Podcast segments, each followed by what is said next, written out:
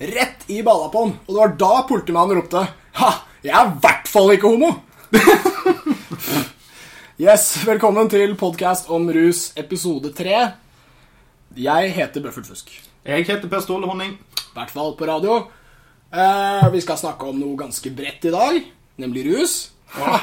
Det er noe nytt hver gang med oss. Og eh, utrolig at folk ikke går lei. Jeg håper ikke går lei. Ikke gå lei, Preben. Uh, vi skal snakke om hva rus er. Igjen, hold deg fast. Pass på, ikke skru av helt ennå. Det her er kanskje vårt beste tema så langt. Ja, hva er rus?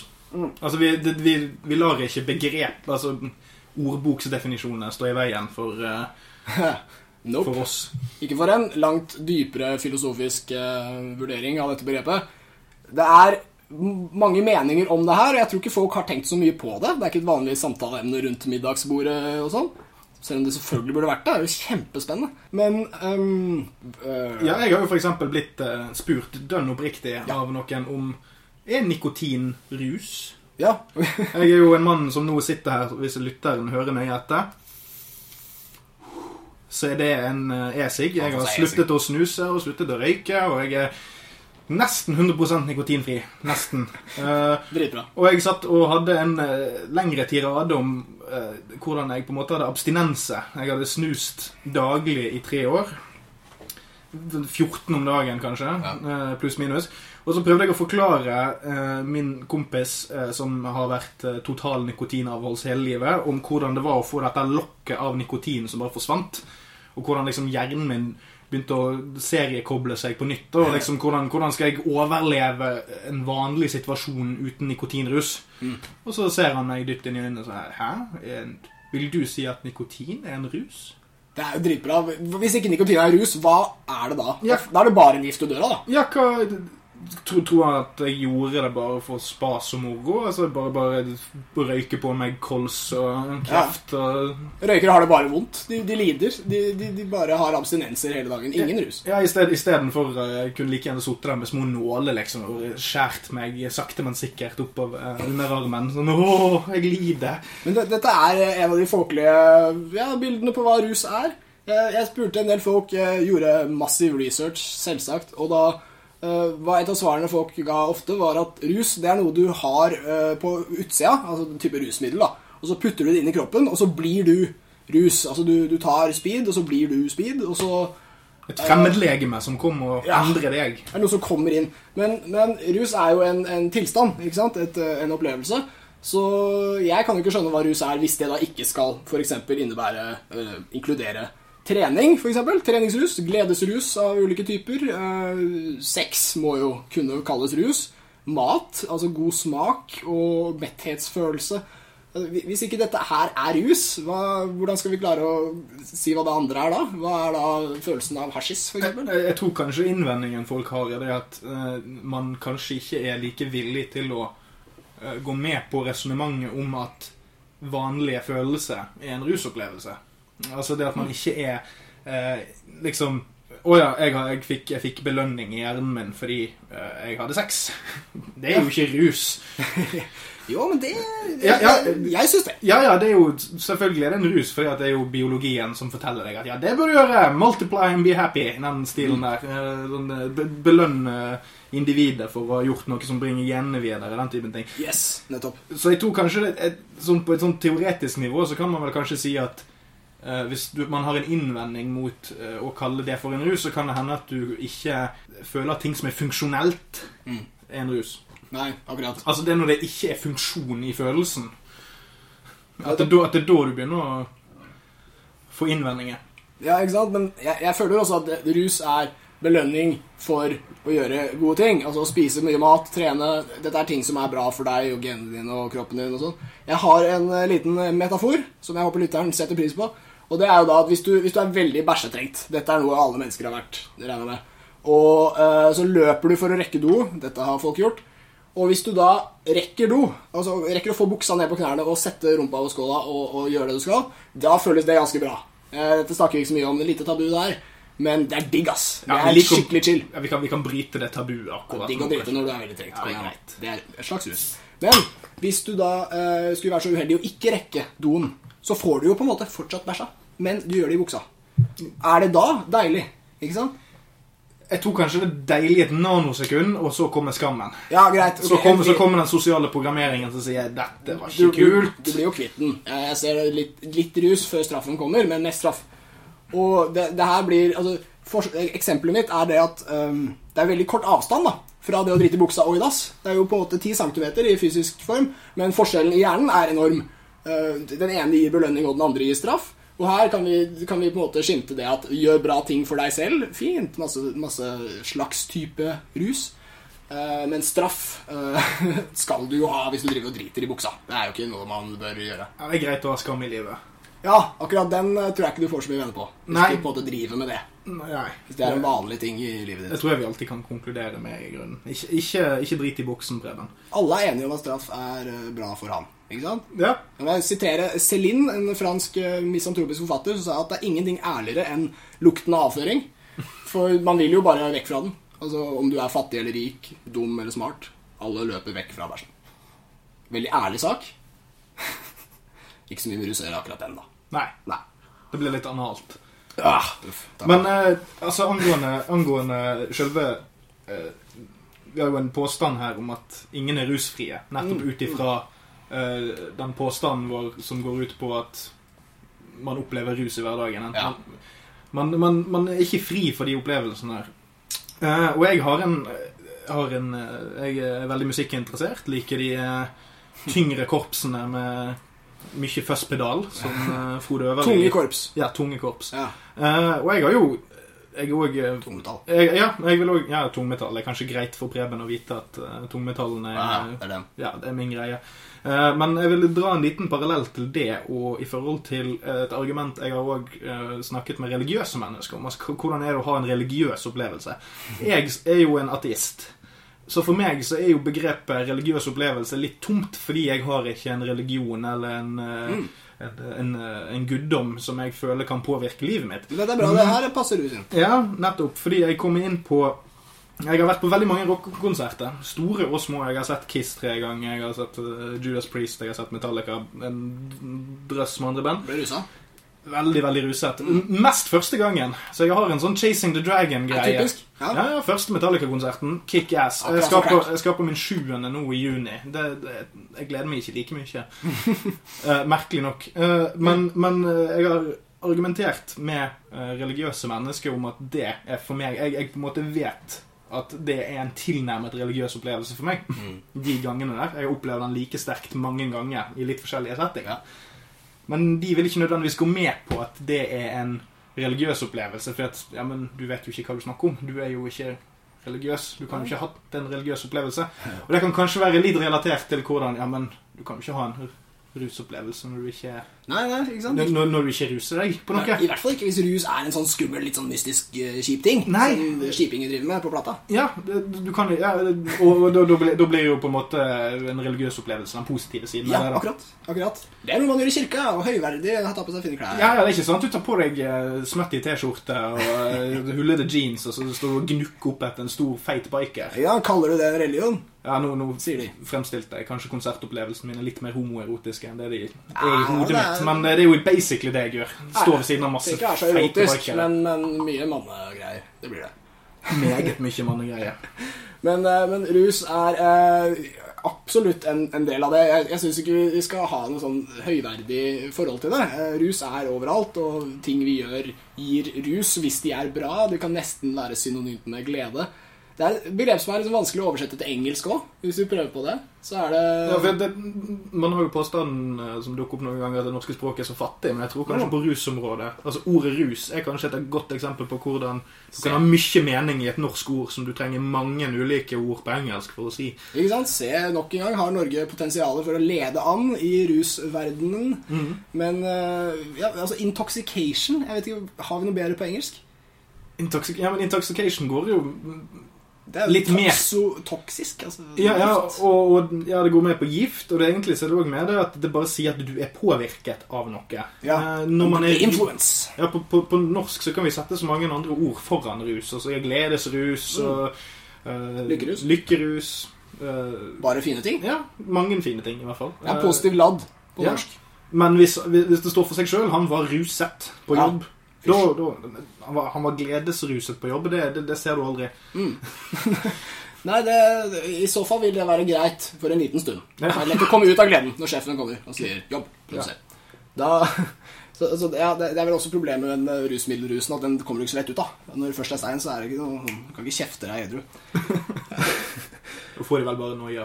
Men på, til en annen ting, òg, da er man, er man edru ever? Altså, jeg, jeg skjønner hva edru betyr, fordi da er man uten ekstern påvirkning, i hvert fall. Så du, du kan fortsatt kjøre bil selv om du er veldig glad den dagen, eller er litt lat, eller på en måte har fått en, et barn veldig, som gjør deg veldig lykkelig. Du kan fortsatt kjøre bil uten at den lykkerusen får deg til å kjøre av veien. Jo, men du kan jo være eh, såpass emosjonelt ustabil at du kan At du ikke burde operere kjøretøy. Altså, du, du, kan, Ja. du kan f.eks. bli såpass deprimert at du må få legeerklæring. Ja, og folk som uh, er veldig trøtte, har jo delirium bak rattet. Er jo veldig ræva sjåfører. Stadig kampanjer fra Statens vegvesen og sånn om å stoppe bilen en time, sove et kvarter, hva de nå sier. Ja, for, men da går vi jo litt over på hvordan kjemien i hjernen fungerer. Da. Så Ja. Trøtthet er jo Er det en rus? Da, da begynner vi jo å Ja, bevege oss ut på et litt si. tynn, tynn bit av ja, Det, det, det starter vel noen av de prosessene i huet på deg, men, men et, overtrøtt var vel kanskje noe vi syntes var gøy når vi var barn, bare fordi da var liksom alt gøy. uh, fordi du blir svimmel, oi, så gøy, men du blir kvalm, det var verdt det. Uh, ja. Jeg, jeg, jeg- mener virkelig at edru er et begrep som har livets rett i forhold til f.eks. bilkjøring. Du skal aldri akseptere rus bak rattet, men glade folk burde få kjøre bil. Nypulte folk burde få lov å kjøre bil, videre. Jeg har veldig lyst til å se om politiet har en test for å stoppe nypulte folk i å kjøre bil. Se på 16. men det- Jeg beklager, du er litt for uflidd til å få lov ganske blanke øyne hvis du er nypult, kanskje. Det kan hende du får litt ekstra oppmerksomhet. Jo, men hvis du, har begynt å få den her eh, etterpult-klamheten, så kan jo den være litt lik sånn klamhet som du har etter kanskje sju pils. Ja, ja, det ligner, ikke sant? Ja. Det, Når du går ut og er litt klam etter den sjuende pilsen. Det er jo hele poenget. Det ligner. ikke sant? Det er ikke akkurat rus. Det er ikke, det er ikke som pulver i pose, men det ligner. Og eh, det er en uh, artikkel på Vice som selvfølgelig vi leser flittig, og der har de Hamilton Morris, som jeg har referert til før og kommer til å fortsette med, som er en sånn tynn uh, kis som skriver om, om rusmidler. Sånn som liker prog-rock. Han ser, han ut som han, han liker litt sånn, litt sånn slack rock. Ja. Uh, ikke den mest tempo-greia. Uh, han har uh, en, uh, en rekke bra artikler, men han har en som heter New Frontiers of Sobriety. Eh, being anti-high feels anti-good. Den kan du google opp, kjære leser. Eh, hvor han da prøver å finne eh, alternativer til rusmidler, altså et slags antirusmiddel for de som finnes fra før. Han prøver å ta anti-cannabis, anti-LSD og anti-heroin.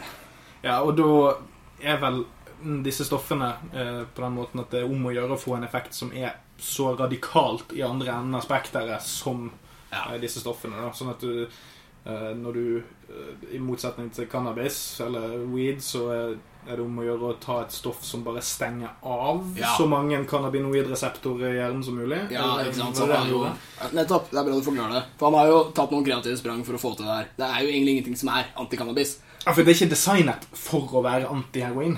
Nei, og det er ikke en slags motgift heller. Det Nei. er ikke så enkelt, dessverre. Eh, Men den er det han gjorde da for å finne et antikannabisstoff, det var at han fant en, eh, et eh, medikament som bremser sultfølelsen drastisk. Som brukes til hvem vet et eller annet. Og så tok han det fordi det er jo antikannabis, fordi du da eh, Cannabis gir deg munchies. Det er på en måte logikken der. Og han, han hadde, I reportasjen så satt han da på sin favorittrestaurant og fikk nydelig mat satt foran seg og ville absolutt ikke spise den. Flott eksperiment. Og han tok noe som jeg, jeg husker ikke navnet på de andre, men jeg tror det var den som var anti-LSD, sånt, da, som gjorde han minst mulig trippa. Som jeg syns var mest interessant, for han beskrev det som kanskje mest av en rus, fordi han følte seg mye mer edru enn han var edru. Ja, Det syns jeg er interessant. ja, for i mitt dagligliv så vil ikke jeg si at jeg er spesielt trippet. Ikke jeg heller, dessverre. jeg, når jeg ikke drikker eller verken kaffe eller alkohol eller røyker sigaretter eller hva enn, så føler jeg meg veldig stabil. Ja, Altså, jeg, kan på litt, jeg kan godt gå med på litt sånn emosjonelle opp- og nedturer som et vanlig liv vil innebære, men jeg vil aldri si at jeg har en tripp annet enn uh, på en konsert. Eller, altså de gangene man virkelig gjør noe så spesielt at hjernen din bare blir liksom oversvømt av Det, det er vel kanskje, det, må- kanskje det er det som er antigreien. For at hjernen kan jo bli litt overveldet av å se noe den aldri har sett før. Ja. Sånn, altså hvis, du, hvis du drar til Niagara-fossen liksom, og får se den sånn helt plutselig, eller mm. Machu Picchu eller den typen ting, sant? når du bare står og tar inn over deg omgivelsene, Ja. så er jo det hjernen som prøver å liksom make sense av noe utrolig tøft noe. Ja. Det er vel så nært man kan komme en tripp i edru tilstand. ja, absolutt. Så da må vel det være at du bare overhodet ikke ikke klarer å være engasjert i noe som helst, da? Eller hva er det det at du bare blir avsondret? Er det der rusen kommer fra, kanskje? Ja, ja, altså, Den virkelige punchlinen her er jo at rus ikke kan defineres noe særlig godt. Det er helt subjektivt uh, ladd, og det er egentlig en følelse vi kollektivt beskriver. Eh, men, men rent teknisk så er det sånn som når han, Hamilton Morris da tar i seg et stoff som han sier gjør han mer edru enn å være edru, så er det da snakk om at hjernen din har en hel del funksjoner i, i hverdagslivet, i den hverdagstilstanden du beskriver, da, som er ganske boring, med mindre du køler på med mat og kaffe og liksom noe, noe som helst. Noen form for eh, stimuli, så er det alltid et slags standardprogram eh, som er der. eh, Rutine. Ja, ikke sant? Du har tross alt levd noen dager i dette livet her før, og du, du, har, du er på et prosjekt, du er inne i en sånn greie. Og du har masse koblinger i hjernen. Det, det Hamilton Morris har vært med på, er jo da at de skrur av noen av disse koblingene, sånn at du på en måte føler litt mindre enn du ellers gjør. Så du er mindre deg sjæl enn ellers. Og da er jo spørsmålet om vi kan dra det så langt, da, om du på en måte er Er man egentlig noen gang edru? Altså Fins edru som et slags nøytralt punkt? Eller er det bare denne hverdagsfølelsen vi driver og beskriver? For den kan jeg gå med på. Det å kjøre bil på hverdagsfølelse er akseptabelt. Det å kjøre bil på festfølelse kanskje ikke Altså, hvis det er greia. Ja, er det, for meg høres det jo litt ut som det antidepressive han har tatt. For det der. Altså, Ja, det, ja, ja. nå, nå er ikke jeg nok eh, farmasistudent, men uh, ja men det, altså, de er hemmere. De hemmer prosesser i hjernen. Så det kan du sammenligne. Ja, fordi det er vel problemene for folk med intense depresjon er vel altså Det er jo på at man kjører seg fast i mønstre. At du, du, har- du har gått litt i, i stå, så er det greit å kutte noen kjemiske forbindelser som gjør at du unngår at de, de tankene er så fæle. Du får ikke den liksom, kjemiske responsen som gjør at de tankene er så kjipe, så du Mm. kan på en måte leve med dem. Nettopp. Så, så det var det som slo meg, i hvert fall. Hvis hverdagstilstanden din gjør deg gæren, så kan du skru av de delene. Forhåpentligvis. Ja, Og så vil det være bedre enn at du tar selvmord pga. Alltid. ikke sant? Og dette er også grunnen til at eh, antidepressiva kan være vanskelig. Fordi hvis du finner den som funker for deg, så er det jackpot. Men det kan være vanskelig, for det, det funker på veldig få folk av gangen. Så du må ofte lete gjennom en jungel av litt ivrige leger og sånt nå for å finne den for deg. Og kanskje er det like greit å bare prøve å, å, å komme over det uten medikamenter òg. Men, eh, men dette, det vi snakker om nå, er på en måte rusfilosofi. Jeg, jeg syns dette kunne vært et fag eller noe lignende. Rus er på en måte til stede i alle sosiale i hvert fall problematikker i, i samfunnssektoren. helsesektoren og sånt. Og der er rus overalt. Alle som er gjerne har liksom rusproblematikk. og sånt. Og når vi snakker om hva er rus, og hvorfor vil folk ruse seg, hvorfor har folk forskjellige rusbehov, uh, hvorfor er det at ADHD-folk trekkes så jævlig mot stimulanter, og hvorfor er det at uh, alle en av ti som røyker cannabis, blir en sånn dreads keys som går med patikk og elsker økologi. Hva, hva er liksom Det er mange ting vi kan lure på. Hvorfor det passer med enkelte mennesketyper og sånn. Det er mye som skulle vært diskutert, syns jeg. Ja, den, den vanligste eh, innstillingen til rusmidler de siste 50 årene har vel veldig vært det der eh, pakkebegrepet. Ja. Eh, Narkotika, narkotika, narkotika. sant? Eh, det som eh, man kanskje har begynt å innse litt de siste årene med forskning, og både, både innenfor biologi og kjemi og sosialantropologi, holdt jeg på å si. Oi, det var nesten et haiku-dikt. Eh, men Nice. Så, så er det jo at, at man har mer eh, liksom eh, antropologiske tendenser her. Sant? At man har personlighetstrekk som kanskje trekkes mot man har bakgrunn. Sant? Det er jo veldig mange eh, sprøytenarkomane, eller de, de, liksom, de vi kaller de skitne junkiene, som har forferdelige ba personlige bakgrunner. Ja. Har my mye omsorgssvikt og fæle ting der. Ok, så der, der har vi liksom de skitne, de laveste av de lave. De har en ganske grusom bakgrunn. Ok, Hvem er det som bruker kokain mest? Jo, det er en del uh, og douchebags med rimelig sånn mellom til høyere utdannelse, med rimelig gode jobber. Ganske stabile hjemmeforhold. Men de har liksom kontrollen, og så driter de litt Altså, de, de, de folkene du møter på byen som bare er ufyselige. Ja. Det er stort sett sånn, sånn Nå generaliserer jeg veldig, men eh, Sant? Er som regel Det er veldig, veldig vanlig blant uh, i bygg- og anleggsbransjen, Ja. for eksempel. Det er vanlig blant eh, folk som skal liksom gjøre shit. Altså være våken lenge. Være? Det, det, man har det utbredt i ulike samfunnslag for ulike det, Noen steder brukes det som verktøy, men det brukes også Mm, veldig ofte mm. som, som en, liksom en, en, en, en forlengende arm for personligheten din. Og det, ja, og det begynner vi liksom å se litt mer nå. Det, Ja, man begynner å forstå det at eh, de, sosiale uh, mønstrene i samfunnet, type klasser og sånt noe, de, Rus har egne mønstre. Forskjellige rusmidler har ulike mønstre, og de passer inn i de sosiale mønstrene. Eller, eller har en tendens til å interagere. De, de blander seg. Og sånn som med, med Det finnes jo sikkert folk som bruker heroin, røyker heroin. Keith Richards, holdt på å si, folk som klarer å gjøre det og har tilgang på rene materialer. Hele. Guns N' Roses. Ja, by the way. og i uh, Oslo, de du ser på gata eksempel, er jo selvfølgelig ikke av high class-typen.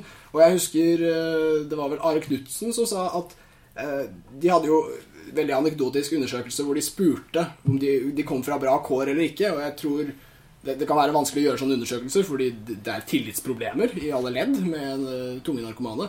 Men da svarte rundt 80 visstnok at eh, de hadde blitt eh, seksuelt misbrukt som barn, f.eks. Og hvis bare noe av det stemmer, så er jo det en indikator på at de trekkes mot heroin for å flykte fra vonde minner. Eh, ikke nødvendigvis gode eller nøytrale minner, men skikkelig kjipe opplevelser. Og Are Knutsen sa det sitatet her. Han sa at mange av de på, når du ser folk på plata, så tenker du at de aldri har hatt det verre. At de er på et bunnpunkt i livet sitt. Men når du snakker med dem, så vil de ofte si at de har aldri hatt det bedre. Eh, og, og det- det kan være ganske sjokkerende for folk, uh, særlig pårørende og sånt òg, når deres uh, de, de kanskje ikke kjenner fosterbarnet sitt så veldig godt, vet ikke hva det har vært igjennom, og så stikker de til plata og så sier at det er det bedre her. Det må jo være jævlig bummer. Men, Ja. men, men det, det forklares bare via at heroin lar deg glemme eller rømme eller flykte fra huet ditt. Ja, fordi eh, Spesielt med tanke på eh, hvordan eh, barnevernet kanskje har utviklet seg etter hvert, og hvordan vi har fått eh, stadig mer eh, eh, fra, fra offentlighetens side har vi fått et mer og mer eh, press på gode oppvekstvilkår og sånn. Det er, jo ting, det er jo ting som f.eks.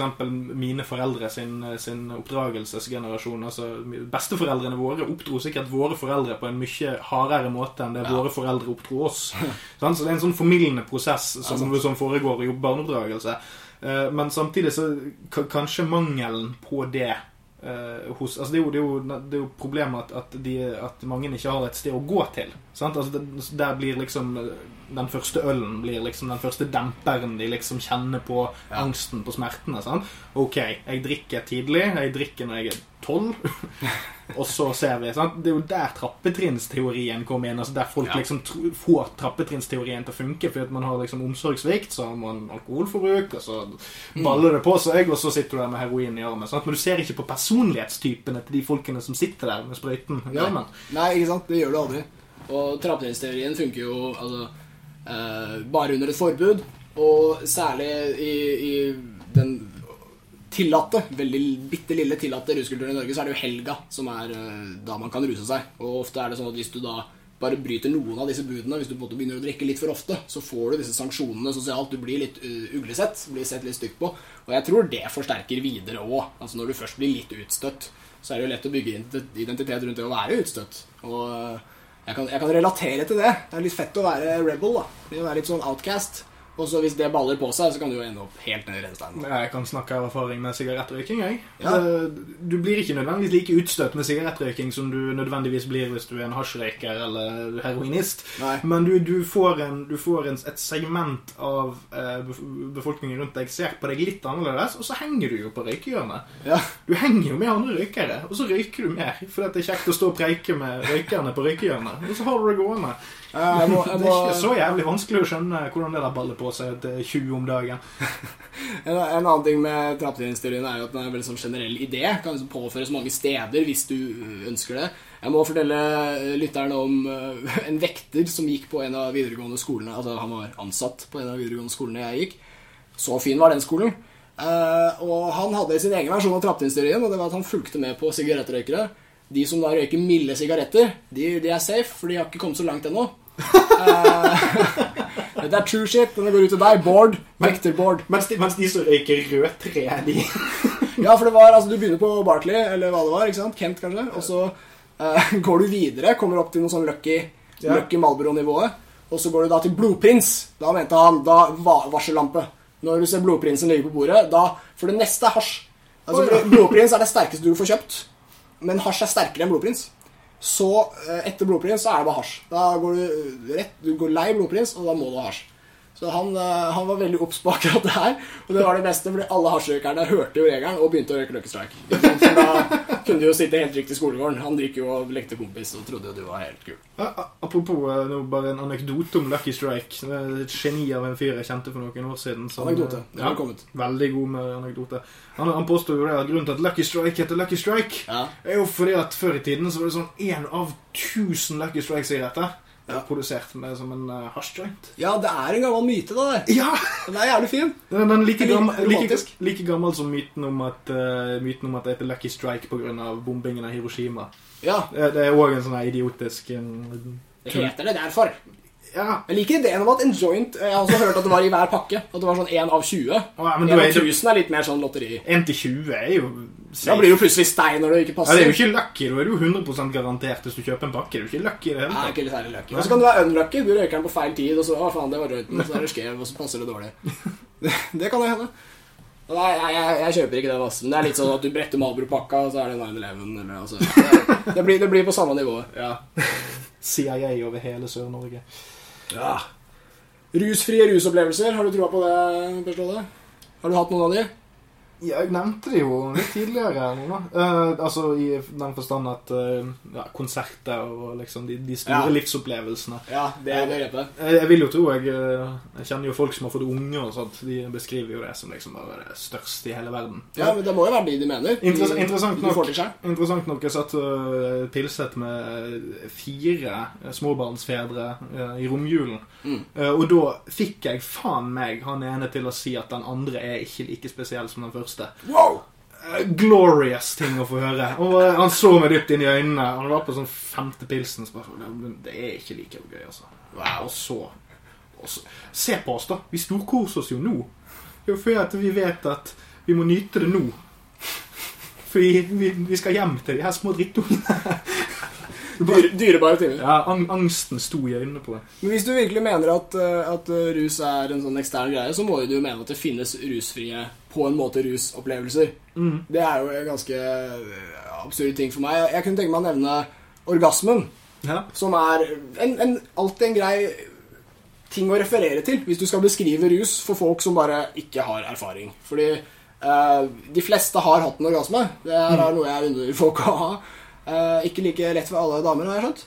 Men, eh, men greia er at for arten så er jo selvfølgelig orgasme eh, selve viktigste av alt. Altså Hvis ikke det er kongerusen, så har vi jo fort problemer. Hvis menneskeheten skulle klare det skjer ikke, men eh, å finne opp et rusmiddel som var like bra som en orgasme Siden du liksom snorta en liten linje med pulver, og så fikk du kjempelang orgasme, så hadde vi hatt eh, eksistensielle artsproblemer hvis folk kunne eh, droppe å pule og få det samme ut av noe annet. Interessant konspirasjonsteori ligger og ulmer rett under dette. her. Ja, det må du ikke, ikke, ikke gjøre det, lytter. Ikke la dette stå for. Eh, Men, men det de har gjort, er at de har tatt bilde av hjernen. Eh, Kildene mine er litt ræva her, men jeg, jeg husker det eksistensielle rundt det. Eh, Det er at når de tar en eh, De fikk noen til å være i en MRI-maskin, eh, om, det- om det er riktig, ja. Og, og i hvert fall få en orgasme. Jeg vet ikke hvordan de gjorde det, men det skjedde. Og To stykker som puler i en MR. jeg tror kanskje noen onanerte. En dverg? To dverger? De fikk det til å skje. Ja. Og eh, Det er litt dårlig plass i MR-maskinen. Men, men bildet av hjernen er da et bilde av en, et, et glimt som på en måte begynner i uh, synapser og reseptorer omtrent midt i hjernen, og så eksploderer det. Altså det Sånn juletre du lyser opp alle deler av hjernen i et sånn millisekund, eh, hvor det da frigjøres uh, Er det dopamin, og så kommer serotonin og bremser det etterpå. Ja.